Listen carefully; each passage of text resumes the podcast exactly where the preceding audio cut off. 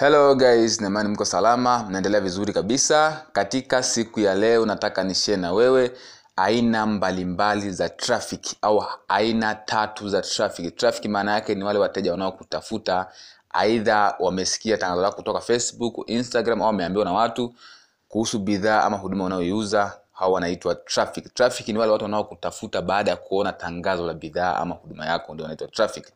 Kwa hiyo nataka nishare na wewe aina za wale wateja au aina za wale wateja watarajiwa au watu wanaokutafuta baada ya kuona tangazo lako au baada ya kusikia taarifa za bidhaa ama huduma yako kutoka kwa watu wengine au wanakufahamu vizuri ama wamesikia tu kwenye mtandao mitandao ya kijamii then wakaamua kukutafuta.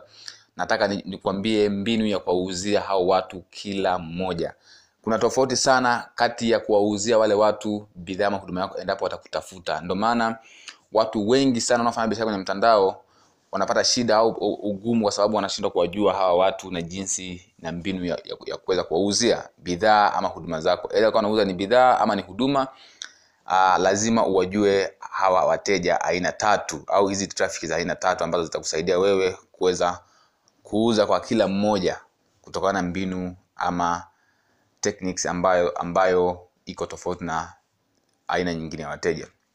Iko hivi uh, kuna traffic za aina tatu au kuna aina tatu ya wateja ambao watakutafuta endapo utaweka tangazo lako kwenye mtandao.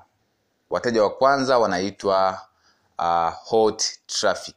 Hot traffic hao ni wateja ambao tayari wamesha kujua tayari wanakuamini na kupenda na tayari wapo kwenye list yako au wapo kwenye jukwaa lako. Aidha ni, ni email au kwenye group ya whatsapp au telegram au facebook group wote wana- wanakujua kwa sababu tayari muda mwingi umekuwa upo nao na umejenga uhusiano nao vizuri. Kwa hiyo kuwauzia hawa ni rahisi tu. Kitendo cha kuwaambia fanyeni kitu fulani fanyeni kitu fulani basi. Yaani ukishaandaa group lako ukawaingiza watu au tunaita wanaingia kwenye hot traffic. Hot traffic maana yake ni watu ambao tayari upo kwa ajili ya kujenga nao uhusiano na tayari wameshakujua na wanakuamini. Kwa hiyo kuwauzia bidhaa huduma yako inakuwa ni rahisi. Kwa hiyo unawaambia tu fanyeni kitu fulani yani you just direct them. Fanyeni kitu fulani then watafanya kama unavyotaka endapo mtu atahitaji bidhaa ama huduma yako au ni simple. Na hao hatuna shida nao kwa sababu kila mtu anaweza akafanya hivyo. Wateja wa pili wanaitwa warm traffic. Warm traffic hawa ni wateja ambao hawakufahamu wewe ila wamekusikia kutoka kwa watu wanaokufahamu. Kwa mfano kama wewe nyie mpo kwenye grupu hili ukamwambia mtu fulani kutoa taarifa zangu na yeye akanitafuta. Huyo anaitwa warm traffic. Warm traffic sasa huyo ni kwamba ukitaka kuuza bidhaa huduma yako unamtumia yule aliyemwambia kama kutangazia bidhaa yake kwako. E, I kutangazia bidhaa yako kwake kama shahidi. You see? Au kama ana page yake au kama ana, ana, ana blog yake na website yake au chochote chochote anaweza akaposti makala ambayo ina, inaelezea jinsi alivyotumia bidhaa yako na akafaidika na akaandika link ya group lako au link au namba yako ya simu ili mtu akutafute.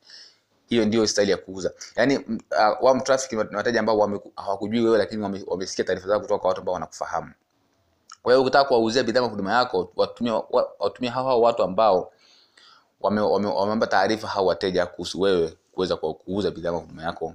Kama kama kama kama vile wanatoa shuhuda lakini ndio wanauza bidhaa au wanaitwa warm traffic. Sasa kasheshe ipo kwenye hii aina ya tatu. Aina ya tatu ndio ambao nataka nidili nao sasa hivi ambao ndio kwa asilimia kubwa. Naamini kama wote ambao uh, kama mnafanya biashara kwenye mitandao wote hapa wote mtakuwa mnapokea wateja wanaoitwa cold traffic. Cold traffic ni wateja ambao wanapatikana kutokana na matangazo ya kulipia. Yaani mteja ambao hajawahi kukusikia kabisa na wala hakujui na wala hajui bidhaa yako hakujui chochote.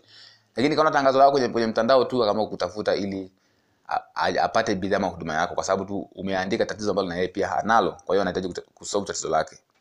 Kwa hiyo in short ni kwamba cold traffic ndio, ndio wateja wanaopatikana kwenye mtandao kwa sababu hawakufahamu hawajai kusikia kabisa hawajui bidhaa yako they don't they know nothing at all about you, about you. ila tu wameona tangazo lako kwenye, kwenye mtandao labda umesponsor tangazo limewafikia watu wengi zaidi na wao likawagusa likawafikia then wakaamua kukutafuta. Na hapa ndipo kasheshe ilipo kwa sababu ndio biashara ambayo sasa ipo, ipo, ipo, ipo, ipo ni peak.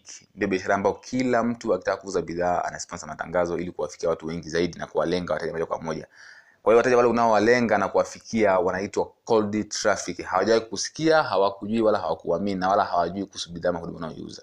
Kwa hiyo unakutana nao for the first time.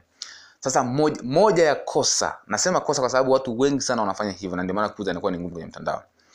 Wakisha watu hawa baada baada ya kuwatafuta tu vup mtu kamtafuta fulani ni nimeona tangazo lako moja kwa moja hapo avuvu vuvu anamrushia bidhaa anamrushia bei ya bidhaa mahuduma yake you see? Sasa hiyo inakuwa ni tatizo kwa sababu huyo mtu bado hajaanza kuongea lugha moja hawezi akanunua bidhaa yako.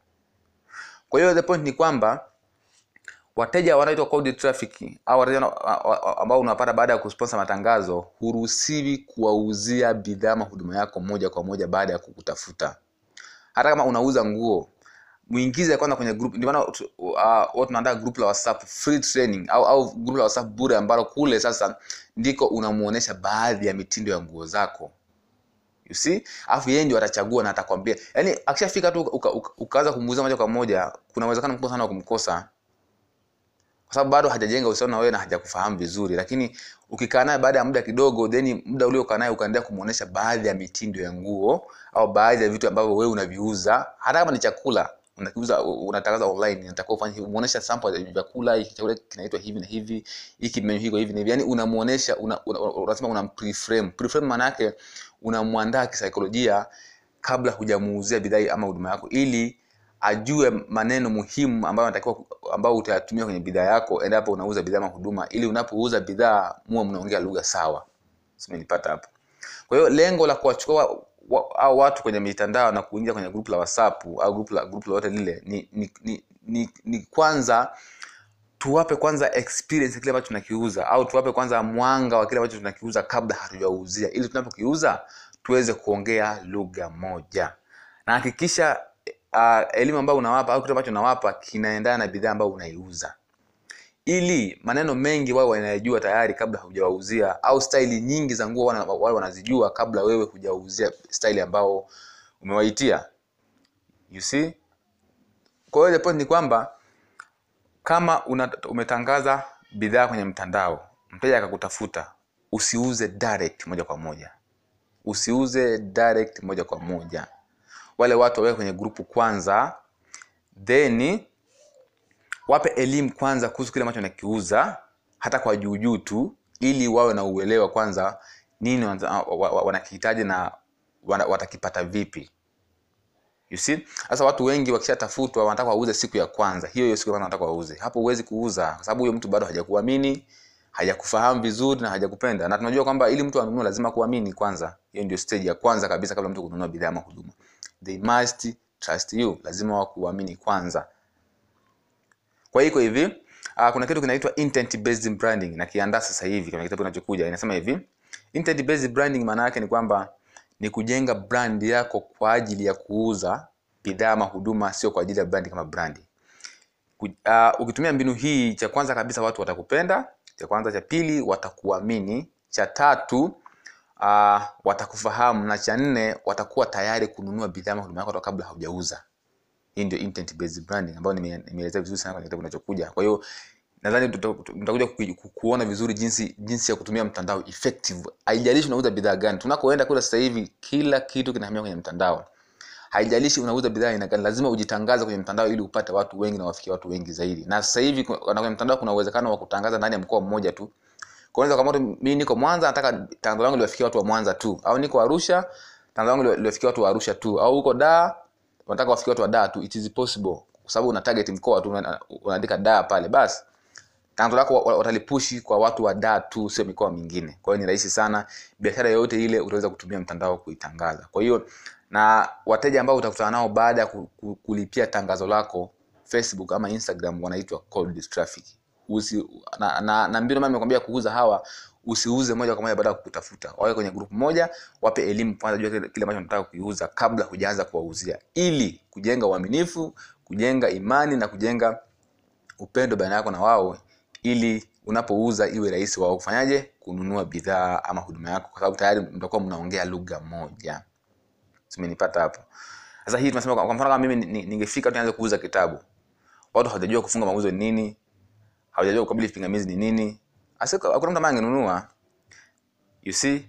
Kwa hiyo unam, unampa mtu elimu ya kufunga mauzo kwanza ajue kufunga mauzo ni kitu gani. Kukabili kipingamizi maana yake ni nini. Then baadaye ukiamua kum, ukitangaza kumuuzia kitabu ambacho kina mbinu hizo atanunua kwa sababu tayari kashajua faida hicho ambacho nataka kuuza ni kitu, ni kitu gani au kina maana gani. Kwa hiyo ni rahisi sana kuuza.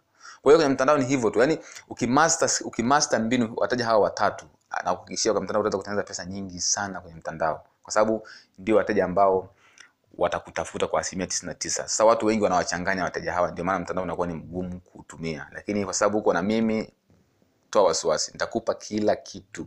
Utaelewa kabisa jinsi ya kutumia mtandao na jinsi ya kuuza bidhaa na huduma yako kwenye mtandao na utapata faida ya biashara yako. Naamini unaweza unaweza kufanya hivyo. Kwa sababu kama mpaka umefika hapa I mean, uh, na, na, na imani kwamba unaweza kufanya chochote kile na ukabadilisha matokeo ya biashara yako kwa asilimia zaidi ya mia moja. Kikubwa unataka kukifanya ni kwamba ni, ni kupata maarifa zaidi kwa sababu kwenye mtandao unataka uwe na maarifa. Sio mtandao tu biashara yote ile unataka uwe na maarifa. Ni maana tunasema anayebaki kwenye biashara kwenye ushindani mkali ni yule anayejua zaidi kuliko mshindani wake. Basi kwa hiyo ukitaka kubaki kwenye ukitaka kuua ushindani na kubaki sokoni jua zaidi jua vitu vingi zaidi ya washindani wako umemaliza. You see? Kwa hiyo kikubwa utakuwa uwekeze ni kwenye information. Taarifa wekeza kwenye maarifa. Tafuta information kwa kiu zaidi kwa ukubwa zaidi ili uwe hatua mbele zaidi ya washindani wako. Basi. Kwa hiyo kulikamilisha hilo tutashikana mkono kwa mkono mpaka mwisho kwa hiyo nakuhakikishia endapo utatumia mbinu hii basi itakusaidia sana. Chukua, chukua, leo kwa, uh, chukua hiyo kwa siku ya leo then weka akilini kwamba wateja wote wanaopatikana facebook na instagram wanaitwa cold traffic na huruhusiwi kuuza moja kwa moja endapo utakutafuta. Basi ndio mbinu hiyo tu leo nimekushia nawe asanteni sana